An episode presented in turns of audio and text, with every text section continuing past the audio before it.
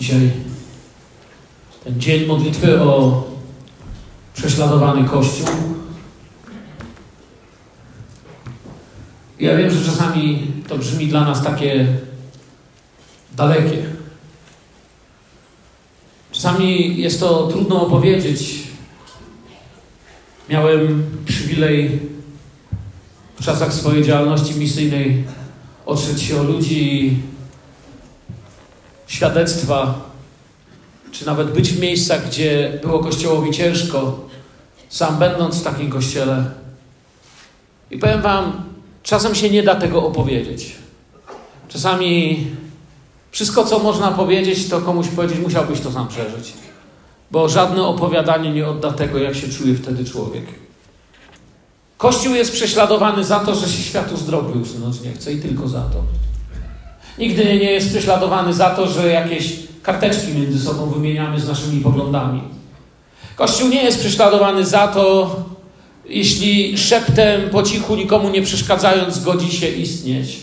Kościół jest zawsze, od czasów wczesnego Kościoła do dzisiejszych, prześladowany za to, że nie chce zejść z drogi światu, jego religią, jego poglądom i jego wartościom.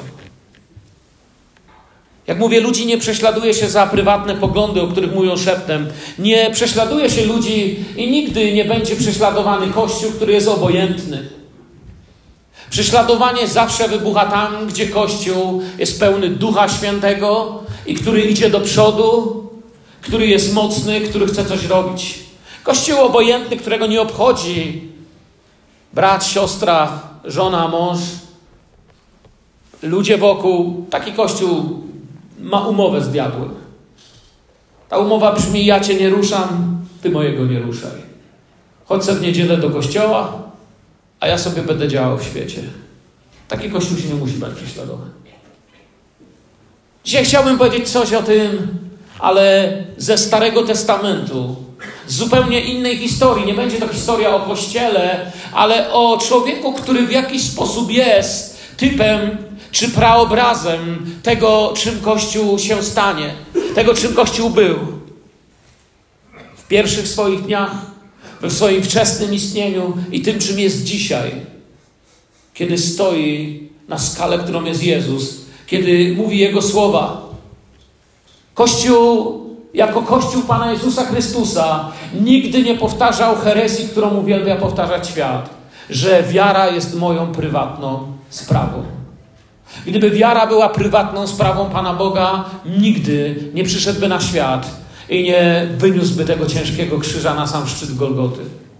Gdyby wiara była prywatną sprawą, to apostołowie nie umieraliby w męczeństwie. Wczesny Kościół nie ginąłby w koloseach i arenach i na arenach różnego rodzaju. A chrześcijanie dzisiaj nie siedzieliby w więzieniach.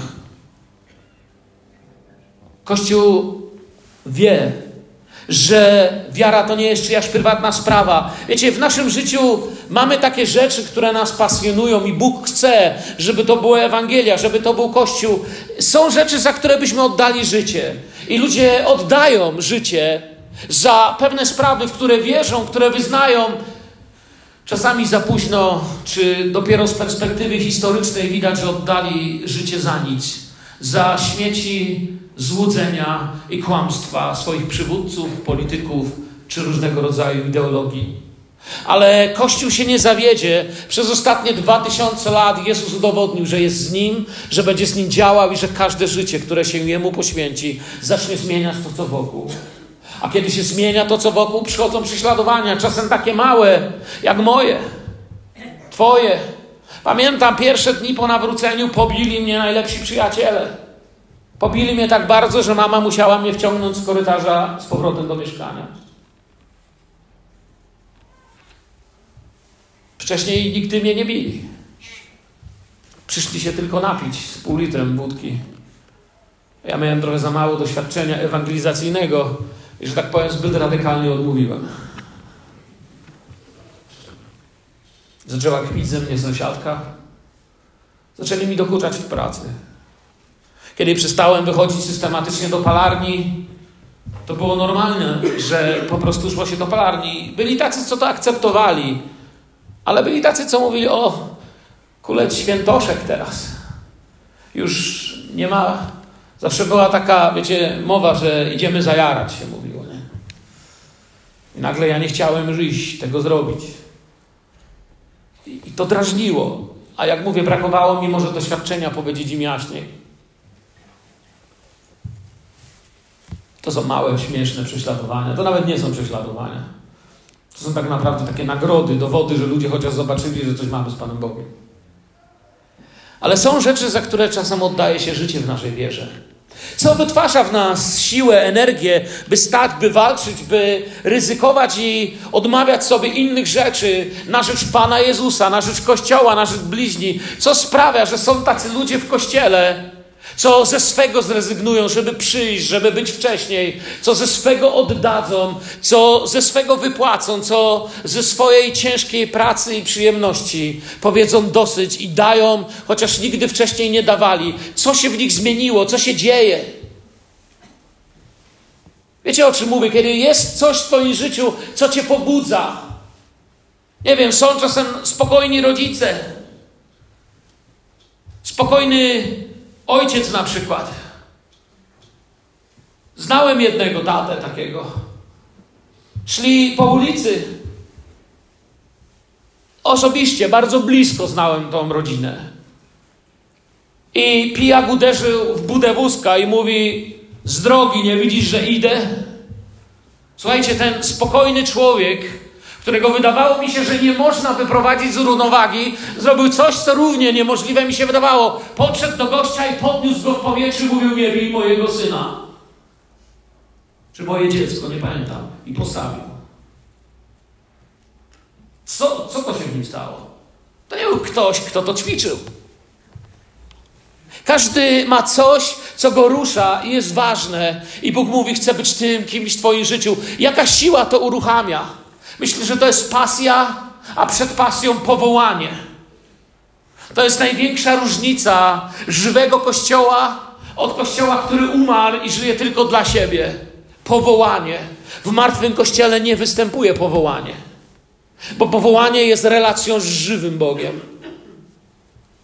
Wierzę, że to ta Boża cecha, którą Bóg w nas składa dla dobrych celów, dla innych ludzi, taki Boży talent, który, czy taki, tak, taka Boża moc, która sprawia, że nasze życie staje się pełne talentów, staje się talentem, który inwestuje w potęgę Ewangelii, w jej siłę i moc i przemianę. Życie, które ma cel, to jest życie powołane, życie z pasją i temu diabeł się sprzeciwi przeciwnik Boga powie: chodzić do kościoła, to ty sobie mogłeś.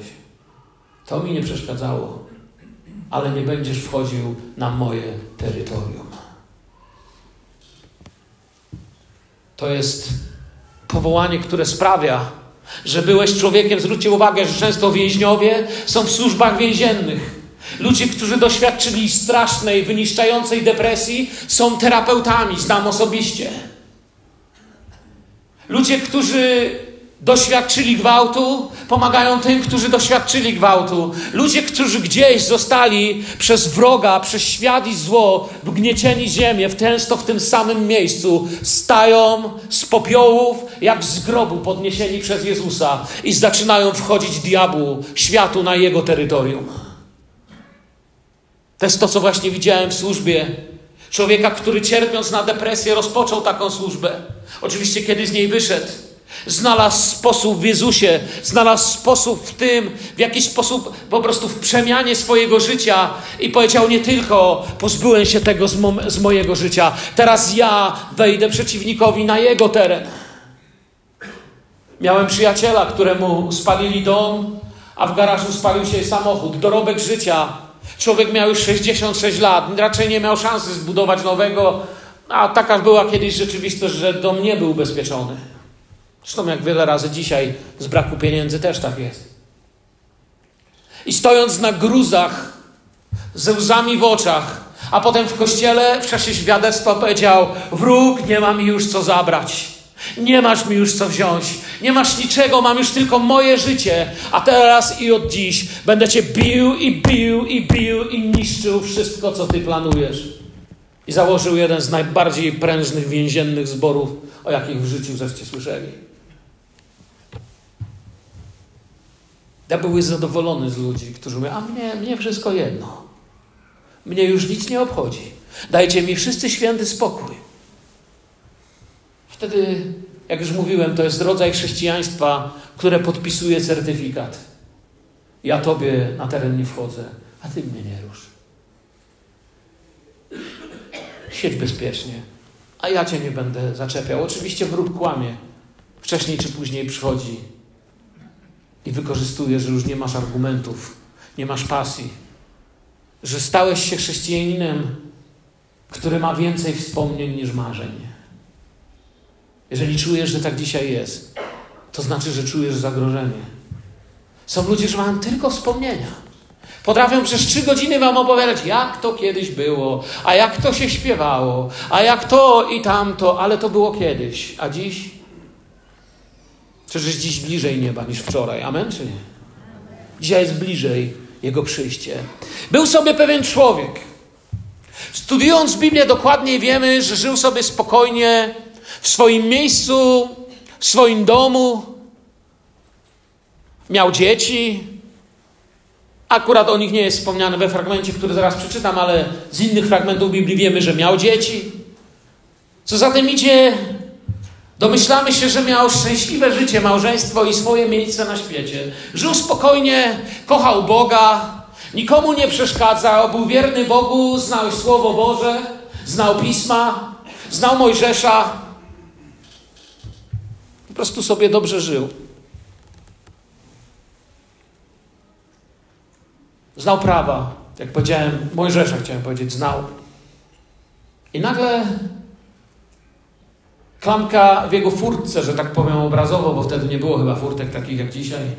Czy do drzwi jego domu, że tak powiem obrazowo, rozległo się pukanie. Wróg przyszedł zapytać o swoje. Przyszedł wysadzić w powietrze albo zmusić go do kompromisu. Człowiek nazywał się Nabot. Mieszkał sobie spokojnie. Pierwsza Księga Królewska 21 od pierwszego wersetu opisuje nam wydarzenia w życiu tego człowieka. Czytam z pierwszej Księgi Królewskiej Stary Testament, 21 rozdział. Może to jest długa historia, ale damy rady, 16 wersetów spróbuję. Po tych wydarzeniach miała miejsce następująca sprawa. Jezreelczyk Nabot miał w Jezreel winnicę tuż obok pałacu Ahaba, króla Samarii. I rzekł Ahab do Nabota, odstąp mi swoją winnicę, a ja urządzę sobie tam ogród warzywny, gdyż jest ona tuż obok mojego pałacu. Ja zaś dam ci za nią winnicę lepszą od tej, albo jeśli wolisz, zapłacę ci za nią cenę kupna w srebrze. Lecz Nabot odpowiedział Ahabowi: Niech mnie Panu szczerze, abym ci miał odstąpić dziedzictwo po moich ojcach. Ahab odszedł do swojego domu, posępny i gniewny z powodu odpowiedzi, jaką dał mu Izraelczyk Nabot, mówiąc: Nie odstąpię ci dziedzictwa po moich ojcach. Potem położył się na łożu swoim i odwrócił się twarzą do ściany i nie przyjmował posiłku. A gdy przyszła do niego Izabel, jego żona, Zapytała go, czemu jesteś taki posępny i nie przyjmujesz posiłków? Odezwał się do niej, rozmawiałem z Nabotem, Jezreelczykiem i rzekłem do niego, odstąp mi swoją winnicę za pieniądze lub jeśli wolisz, dam ci także w zamian winnicę. A on na to, nie odstąpię ci mojej winnicy. I Żebel, jego żona, rzekła do niego, to ty sprawujesz władzę królewską w Izraelu. Wstań, przyjmij posiłek i bądź dobrej myśli ja dam ci winnicę Nabota, Izraelczyka. Potem napisała w imieniu Ahaba listy i opatrzyła je jego pieczęcią i wysłała te listy do starszyzny i przedniejszych obywateli, którzy mieszkali w jego mieście razem z Nabotem. W listach tych zaś napisała tak. Ogłoście post, a Nabota postawcie wśród ludu na przedzie. Wysuńcie przeciwko niemu dwóch nikczemnych ludzi, którzy złożą świadectwo tej treści. Bluźniłeś przeciwko Bogu i królowi, potem wyprowadźcie go i ukamieniujcie go na śmierć. Obywatele jego miasta, mianowicie starszyzna i przedniejsi obywatele, obywatele, którzy mieszkali w jego mieście, uczynili według rozkazu Izebel zawartego w listach, które ona przysłała do nich. Ogłosili post i postawili Nabota wśród ludu na przedzie. Potem przyszli dwaj nikczemni ludzie, zasiedli naprzeciw niego i ci nikczemni ludzie złożyli wobec ludu takie świadectwo przeciwko Nabotowi. Nabot bluźnił przeciwko Bogu i królowi. Wyprowadzili go tedy poza miasto i ukamieniowali i umarł. Następnie posłali do Izabel wiadomość, że Nabot został ukamienowany i nie żyje. Gdy więc Izabel dowiedziała się, iż Nabot został ukamienowany i nie żyje, rzekła do Ahaba: Wstań, weź posiadanie winnicy Nabota Jezreelczyka, której nie chciał ci odstąpić za pieniądze. Nabot bowiem nie żyje, gdyż umarł. To też Ahab, usłyszawszy, że Nabot nie żyje, wstał, aby pójść do winnicy Nabota, Izraelczyka i objąć ją w posiadanie.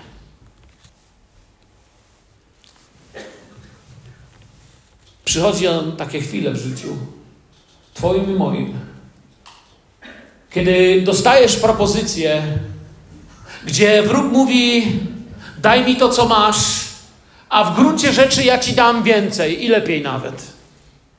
Ale przestań się trzymać swego. Są takie chwile, chcę powiedzieć, kiedy musimy wiedzieć, co pisze w Słowie Bożym w życiu naszych rodzin, dzieci kościoła, gdy trzeba wiedzieć i mieć Biblię. Przychodzą chwile, które ranią, które wymagają od ciebie decyzji, na którą czasem w ogóle nie byłeś gotowy decydować w tej sprawie, a się okazuje, że będziesz musiał za nią stanąć. Będziesz się trzeba modlić, sprzeciwić, wesprzeć. Musi być w człowieku wtedy pasja, pasja powołania, pasja pełności Słowa Bożego, tego, że ono w tobie jest, że we mnie jest. Zobaczmy właśnie dzisiaj na życie człowieka. Nie napisano o nim zbyt wiele. Jednak, wiecie, Nabot jest taką osobą, pamiętam, kiedy pierwszy raz w życiu czytałem Stary Testament. Jak wam nieraz mówiłem, kiedy nawróciłem się, to mi się mylił Kwowadis z, z Biblią. Rzeczy z Kwowadisu myślałem, że to jest Biblii, że to Biblia. Takie miałem poznanie. Ale kiedy zacząłem systematycznie czytać Słowo Boże, pamiętam ten pierwszy raz, kiedy Kupiłem sobie swoją pierwszą Biblię i podkreślałem bardzo często kolorowo to, co mnie dotknęło, różnego rodzaju wersety. Nabot pozostał w moim sercu od pierwszego razu, gdy o nim, usłysza, gdy o nim czytałem, gdy o nim usłyszałem. Jego imię Nabot. Kiedy czytałem tą historię, że miała miejsce taka sprawa, że miał winnicę tuż obok pałacu króla Samarii, Ahaba. Nieraz wiecie, kiedy mówimy o królach, to często kiedy myślimy król, to sobie, jeszcze jak sobie powiemy król i to kojarzy się nam gdzieś tam właśnie, tamte rejony, tamta ziemia, to to musiał być król, nie? Kiedy mówisz król Dawid, Salomon, patrzysz na ich życie z Bogiem, wtedy sobie wyobrażasz pięknego króla.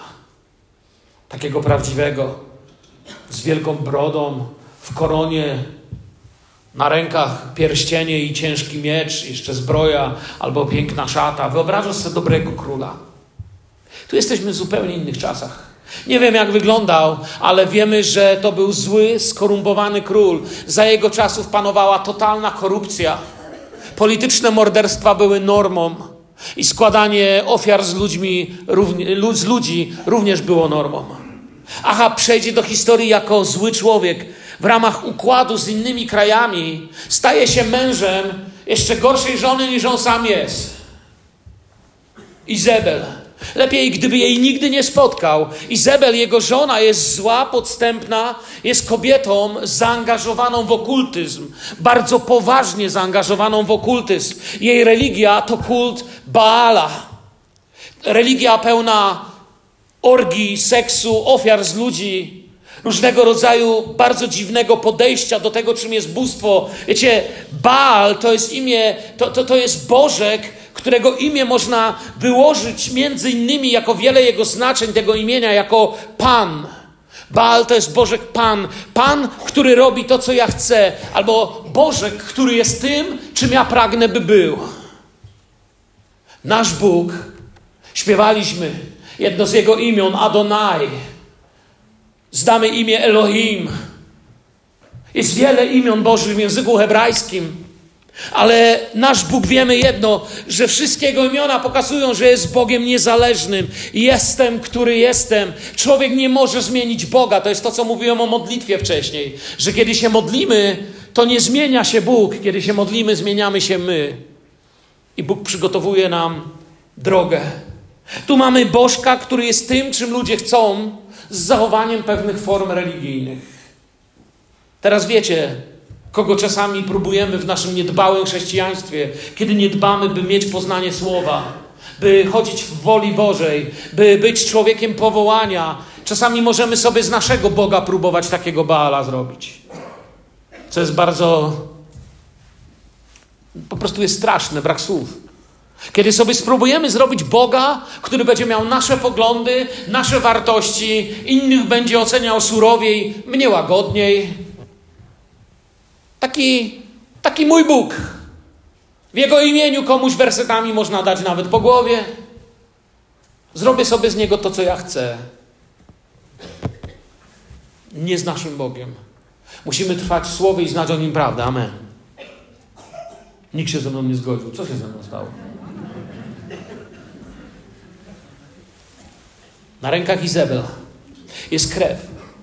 Wielu sprawiedliwych, wielu proroków i innych to krwawe czasy, ale też czasy, kiedy król ma się dobrze. Król odpoczywa w dostatku, jest otoczony bogactwem, ma pieniądze, możliwości. I oto Słowo Boże wprowadza nas w tamte dni. Obok przepięknie, bo wiecie, Ahab miał naprawdę, jeśli chodzi o artyzm jego wnędrzy pałaców, to to, co wiemy z historii, przepięknie potrafił mieszkać i żyć. Mieszkał w pałacu urządzonym z przepychem, ale z gustem, obok pełnym ogrodów, altanek, i to wielkie bogactwo pewnego dnia dochodzi swoją granicą do malutkiej działki, rzekłbym w tym wypadku. Dochodzi do domku i pola Nabota, dokładniej do winnicy. Zakładając, że nie był kimś niesamowicie bogatym, nie miał domów i rzeczy w wielu miejscach, Zresztą kontekst Słowa Bożego, do którego za chwilę wrócę, pokazuje nam, że to była dana mu przez Pana ziemia po jego ojcach. Winnica tuż obok pałacu, mówi nam Słowo Boże. Mała działeczka to świat Nabota. Rozrastające się majątki króla dochodzą do tego kawałka ziemi i to jest to miejsce, gdzie chcemy, żebyście zobaczyli duchową rzeczywistość, bracia i siostry. Kiedy splendor świata kiedy duma całego świata, to, co się światu podoba, to, czym świat się chełpi i szczyci, pewnego dnia granice tego otrą się o ciebie i będziesz jedyną przeszkodą, żeby mogły się poszerzyć. Miałem przyjaciela, którego wyrzucono z bardzo dobrej i dobrze płatnej pracy, ponieważ nie zgodził się na wypisywanie fałszywych dokumentów. Miałem koleżankę, siostrę, która musiała ustąpić z bardzo fajnego kierowniczego stanowiska, bo nie zgodziła się na oszustwa w przyjęciach towarów i faktur. Miałem mnóstwo w swoim życiu jako pastor zborowników, braci, sióstr, którzy stracili pieniądze, którzy stracili możliwości biznesowe i finansowe Ponieważ jak Nabot powiedzieli przeciwnikowi, który zapukał do ich drzwi, na ten teren z tym nie wejdziesz. To jest to, co chcę, byście tu zobaczyli. Twoja rzeczywistość wobec splendoru świata. Małe uczciwości, małe modlitwy i wielki światowy szum. Czy ty głupi jesteś? Wszyscy tak robią. Coś ty zwariował? Przecież wszyscy tak żyją. Jaki kościół? Kogo dziś obchodzi Pan Bóg? Boga nie ma, ludzie mówią. Tego nie ma, to nie ma, co jest? Jest nasza duma, jest nasz splendor, jest nasza przemijająca rzeczywistość. Tego nie mówią, bo nie wiedzą. I nagle ta, to, co świat mówi, modne, piękne, świetne, tak robią przecież wszyscy, styka się z Twoją granicą. Wielu z Was wie, o czym mówię. Bo mówiąc o Nabocie, wielu z nas sobie też musi przyznać, że czasami ustąpiliśmy Ahabowi. Nie wszystkim nam w życiu szło tak, tak pięknie. Nie wszyscy z nas są tacy, że się nawrócili i od tej pory człowieku normalnie diabeł nie przeskoczył mojej linii. Ja muszę przyznać, że należę do ludzi, którzy musieli wiele pokutować. Wiele razy z tej kazalnicy, może nie z tej kazalnicy, ale ze swojej kazalnicy jako może dużo młodszy pastor, krzyczałem radykalne treści. Byłem radykalnym teologiem, który we wtorek żył już liberalnie. Potrzebowałem czasami bólu i uderzenia w ścianę, żeby zobaczyć, jak bardzo nieporządnie postępuje.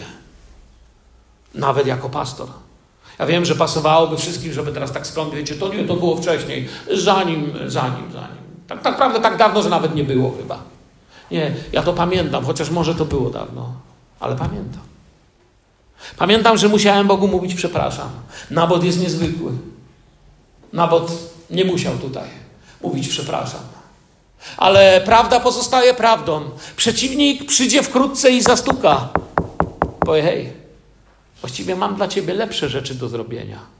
Nie trzymaj się tego twojego maluśkiego powołania. No kim ty jesteś? Kimś jakimś? Pastorkiem? Muzykiem? Co, co, co nagłośnieniowcem? Wyświetlasz teksty? Co, co, kolektę zbierasz i to ma być kariera? Kim ty jesteś? Zawsze odpowiedź wtedy jestem tym, kogo Bóg powołał do miłości ludzi. A Ahab ci powie, czy wróg ci powie, ale ja mam dla ciebie ciekawsze rzeczy. Co prawda, tu się będziesz musiał zgodzić na parę odstęp, no ale w końcu chrześcijaństwo to przecież przeżytek. Rzekł Ahab do Nabota, pamiętacie? Odstąp mi swoją winnicę. Ja sobie tam urządzę ogród warzywny. Nie wiem, czy wiecie, że ogród warzywny to miejsce nieczyste w tamtej kulturze. To miejsce nawożone. To ten gorszy kawałek, który musiał oczywiście być. Ale to nie jest żadna wielka chwała warzywniak zrobić z czegoś, co jest winnicą. Zresztą jak to brzmi w waszych głowach? Winnica, kapusta. To wiecie, wyobraź sobie, że masz, nie wiem, drogi, dro, drogi kredens po babci. Oryginał, na, na, może nawet gdański, a może nawet Ludwik. A ja przychodzę i mówię, słuchaj, mam imprezę, potrzebujemy drzewa na ognisko, daj mi to, ja ci też potem zapłacę. Nawet chyba więcej niż to warte. Nie zgodzisz się. Powiesz, bez względu na wartość muzealną mojego mebla, ma dla mnie wartość sentymentalną, czego nie możesz mi zapłacić. Tu prawda sięga jeszcze głębiej, zaraz do tego dojdę. Daj mi Twoje wszystko za chwilę dziwnej relacji i przyjemności, którą Ci obiecuję. Nasze życie codziennie się styka z tym, co nas otacza. Nie jesteście w stanie oddzielić się od świata. Nie mamy klasztoru, do którego możemy się zamknąć, i Bóg nas do tego nie powołuje. Bóg mówi, byśmy świecili na tym świecie.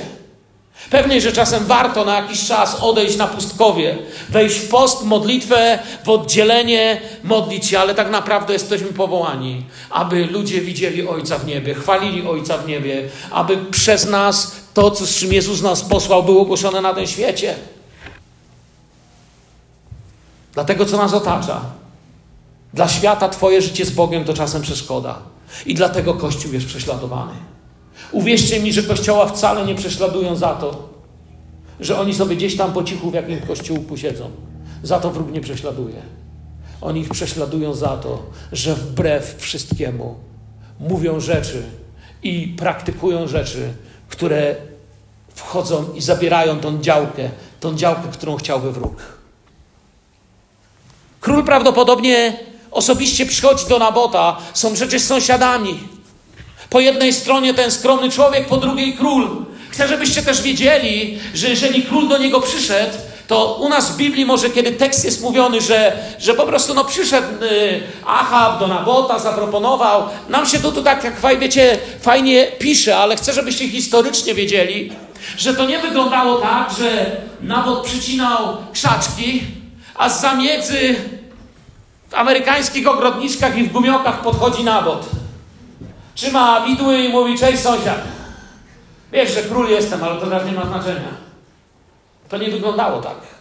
Może w naszej rzeczywistości nam się tak, że podszedł do płota i mówi podejdź ty do płota.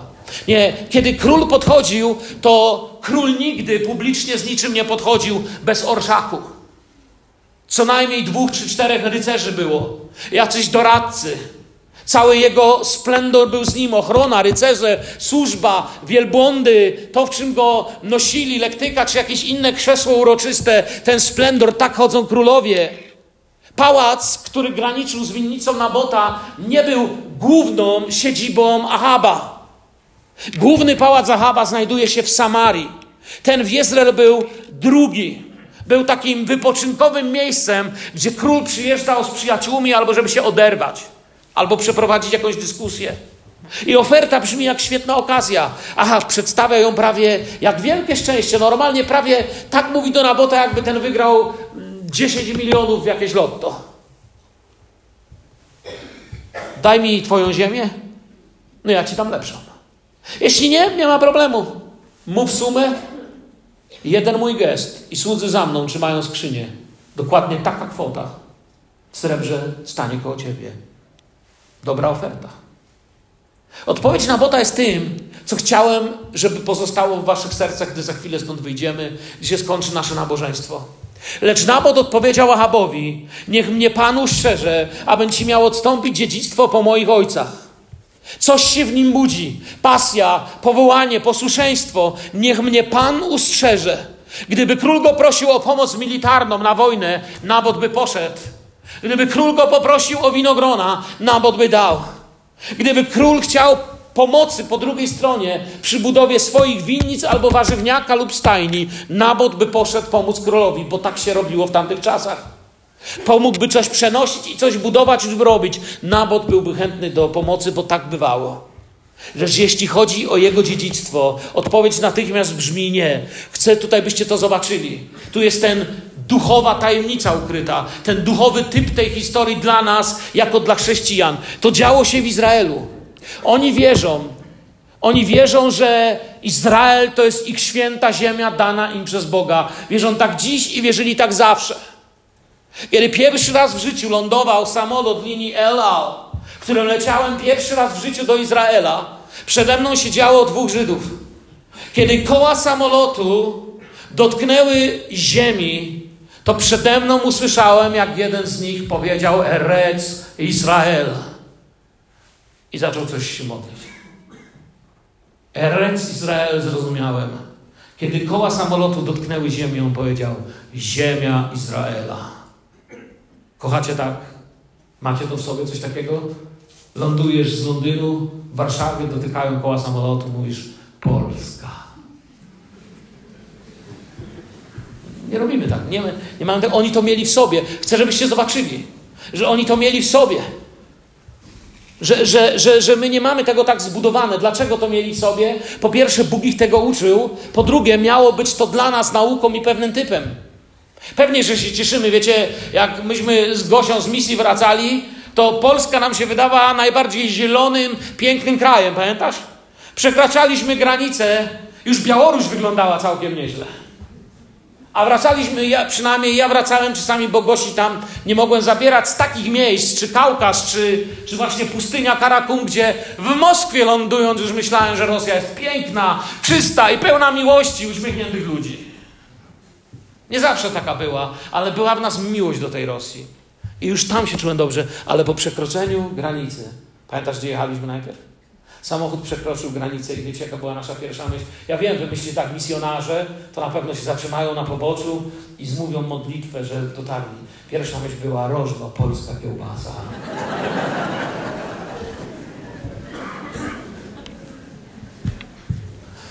Wow. 92 rok. A kiełbasa smakowała jak... Uh. O co chodziło z Nabotem?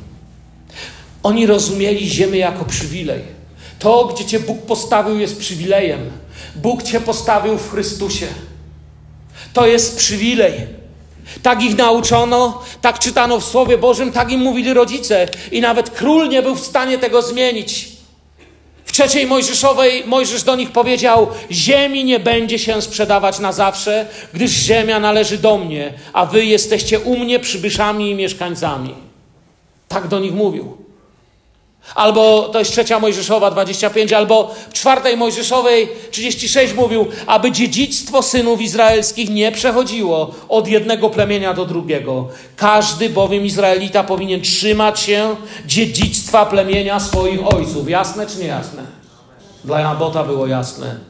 Trwajcie w Chrystusie, trwajcie we mnie, a ja w was, mówi Chrystus. A wróg przychodzi i mówi, mało, niedużo, kawałek daje. Jeden papierosek więcej. Jedno kłamstewko więcej. Ciut pornografii więcej. Trochę brudu więcej. Daj mi to, co otrzymałeś jako Twoje dziedzictwo, pieczęć tego, kim jesteś w Jezusie Chrystusie. Inna rzecz dotycząca tamtych czasów. Król nigdy nie słyszał słowa nie. Królowi się w tamtych czasach nie mówiło nie. Wtedy można było zginąć i stracić głowę, jak się krzywo popatrzyło na władcę. Wielcy królowie imperiów Babilonu, Asyrii potrafili ściąć całe rodziny i miasta za to, że źle ktoś popatrzył na nich, kiedy ich orszak wjeżdżał do tego miasta. Potrafili mordować tysiącami za malutkie przewinienia. Królowi się nie mówiło nie. Aha, był królem, który nigdy nie słyszał nie. Był otoczony ochroną. Jestem przekonany, że kiedy Nabot do niego w taki tekst powiedział, to rycerze, którzy stali, położyli ręce na mieczach. Byli pewni, że, Nabot skinie, że Ahab skinie ręką. To był skandal rzucony prosto w twarz króla. Tak król myślał. Zapomniał, co mówi słowo, choć powinien był pamiętać. Niech mnie Panu szczerze, aby Ci miał odstąpić dziedzictwo po moich ojcach. To niech będzie dzisiaj nasza modlitwa. Za to jest Kościół prześladowany, że we właściwej chwili powiecie przeciwnikowi: Niech mnie Panu szczerze, ani jednego kieliszka więcej. Ja już widziałem, co to zrobiło. Niech mnie Panu szczerze, żadnej pornografii więcej. Ja już widziałem, ile to zniszczyło. Niech mnie Panu szczerze, żadnego kłamstwa więcej, bo ja widziałem, ile krzywdy wcześniej narobiłem ludziom. Niech mnie Panu szczerze, bym miał stracić coś z tego, co dał mi Jezus. Jesteście za tym? Amen? To jest to, po co żyjemy. Za to prześladują Kościół. Myślę, że służba nie wiedziała, gdzie podnieść oczy. Czytaliśmy dalej. Aha, poszedł do swojego domu i pamiętacie, co robił? Słuchajcie, ten król nawet, on był tak słaby psychicznie, on tak nie potrafił wiedzieć, co zrobić, kiedy ktoś mówi nie. Orgie, rozpasane, hedonistyczne życie. Żona, która rządziła wszystkim. Ja myślę, że Ahab mógł tylko zdecydować, co mu się będzie śnić. I to też nie zawsze. On poszedł do łóżka buczeć, płakać. Tak jak kiedy nasze dzieci były małe i się im odmówiło coś, to będzie płakusiał. Ahab poszedł i leży na łóżku. Nie wiem, czy zwróciliście uwagę, wczytajcie się w tekst. Jak się położył na tym łóżku i zaczął marudzić, to dopiero wstał, jak ona mu powiedziała, wstań, nawet nie żyje. Ile czasu chłop leżał? Zachowuje się jak trzyletnie dziecko, płacze na łóżku, jeden z bardziej okrutnych i podłych królów. Nie ma nic gorszego niż prymitywny, bez własnego zdania król, rządzony porządliwościami i poczuciem niższości, dostaje władzę nad życiem ludzi i oddaje je w ręce swojej żony, która gardziła Jahwe i była gotowa wyrżnąć wszystkich proroków, jeśli się da. Jej planem było absolutne zlikwidowanie wiary w Boga i w Jahwe w Izraelu. Nie wiem, czy o tym wiecie. Poczytajcie sobie więcej o niej. Ona chciała zlikwidować absolutnie cokolwiek wspólnego z Bogiem. I Jezebel zabrała się do sprawiedliwości po swojemu. Jezus powiedział, że to jest cecha diabła. Niszczyć, rozpraszać, zabijać. Zostaje postawiony przed nieuczciwym sądem. Oczywiście jest winny i skazany na śmierć. Winny wiemy, że nie jest, ale oni uznają, że jest winny. Tu jest takie słowo, chcę wam to jeszcze powiedzieć. Dwóch nikczemnych ludzi. Oznacza dosłownie dwóch synów Baala w tłumaczeniu. W swoim znaczeniu tego słowa. Oznacza dwóch synów diabła, dosłownie jeszcze. Kłamstwo zawsze ma ojca. Ojcem kłamstwa jest diabeł. Żebyś mógł kłamać, musisz współżyć z diabłem w ten duchowy sposób, aby urodzić kłamstwo. Bo kiedy w duchowy sposób trwasz we wspólnocie w jedności z Chrystusem, to Słowo Boże natychmiast i Twoje sumienie i Duch Święty dotkną Cię, gdy tylko pomyślisz, żeby kłamać. Potem poznacie ludzi, którzy się zaniedbują. Kłamstwo zawsze ma ojca. I ona mu mówi: Teraz winnica jest do wzięcia. Wiecie, gdy Nabot powiedział, nie wiedział, co go czeka. Za chwilę chciałbym się, abyśmy się pomodlili. Nabot, idąc na ten sąd, wiedział, że tam nie będzie żadnej prawdy. I chcę Wam powiedzieć: wiele rzeczy w tym świecie nie będzie się z Wami bawić w żadne prawdy. Dlatego Jezus powiedział: Ja jestem drogą, prawdą i życiem. To, co do Was przyjdzie z propozycją, to ani droga, ani prawda, ani życie. Chcę wyglądać jak droga, ale jest drogą do przepaści. Chcę wyglądać jak prawda, ale jest zbudowana na kłamstwach. Chcę wyglądać jak życie, ale prowadzi ku śmierci, kiedy już już za późno. Ja jestem drogą, prawdą, życiem. Nawet wiedział, co się może stać. Jego dzieci zostały zamordowane razem z nim, cała jego rodzina. Nie ma tego w tym tekście biblijnym, natomiast znajdziecie to w tekście drugiej Księgi Królewskiej 9:26. Stamtąd się dowiadujemy, że zginęli z całą rodziną. Wiecie, to nieprawda, że zło dzisiaj jest silniejsze. Zło jest takie samo silne, jak było zawsze. To nieprawda, że dzisiaj Bóg nie działa. Zwycięstwo Jezusa na Golgocie ta potęga krwi pańskiej pustego grobu jego przysłania jest tak samo silna. To nieprawda, że zło jest silniejsze i większe. Zło jest ciemnością, a ciemność jest tam, gdzie brak światła. Czyli ciemność jest tam, gdzie brak tych, którzy światło mieliby nieść i być światłością. Jesteście światłością tego świata. Jesteście miastem na górze. Pójście na kompromisy sprawi, że światło gaśnie, i znów można się oszukiwać. Chcę prosić dzisiaj Pana. Prosić o to dla nas wszystkich. Myślę, że nie zrobię dziś nawet wezwania indywidualnego, bo myślę, że nie ma na tej sali osoby, która nie chciałaby się dziś pomodlić. Ojcze, trzymaj mnie w prawości serca. Trzymaj mnie w czystości serca. Otwórzmy oczy przez Twoje słowo na rzeczy, które chcą mi zabrać moje dziedzictwo, Jestem dzieckiem Bożym, chcę trwać w Chrystusie i tak dzisiaj chcę wyjść z tego miejsca. Jeśli ktoś chce powiedzieć na to Amen, niech wstanie do modlitwy.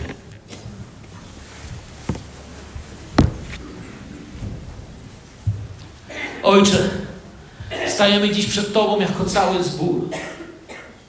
Jako wszyscy, Panie, którzy wiemy, że w nasze życie przychodzi wiele propozycji, które wróg próbuje pokazać jak lepsze, jak nie do odrzucenia.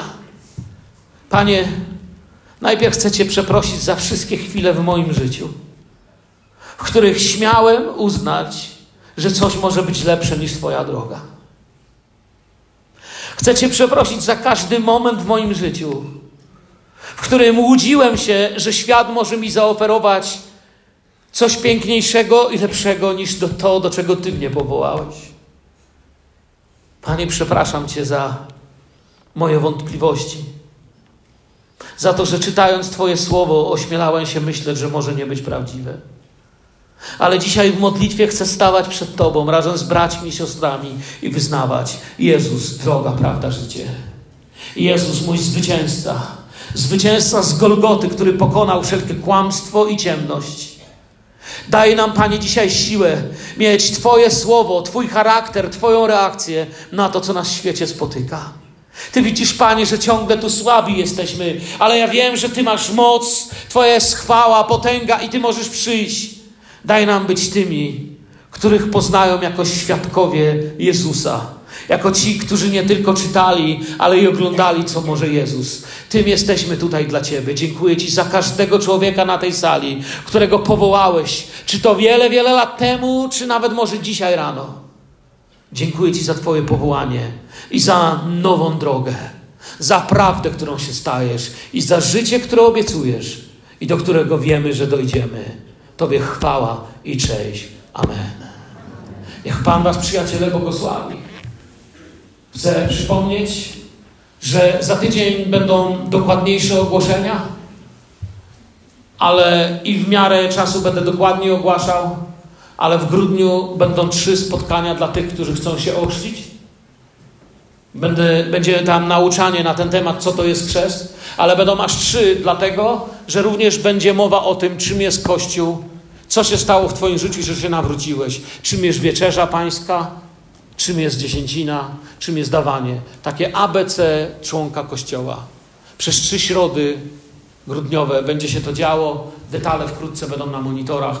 Jeśli czujesz w swoim sercu, że chcesz się oszcić, że chcesz być posłuszny temu, co mówi Słowo Boże, kto uwierzy, niech, niech się oszci.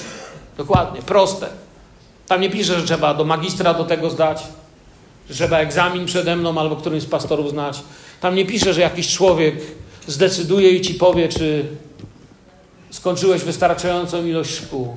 Tam pisze, nawróć się. I żebyś wiedział o co chodzi, po to będą te trzy lekcje. Więc zapraszam nowych katechumenów i tych, którzy może chcą sobie odświeżyć.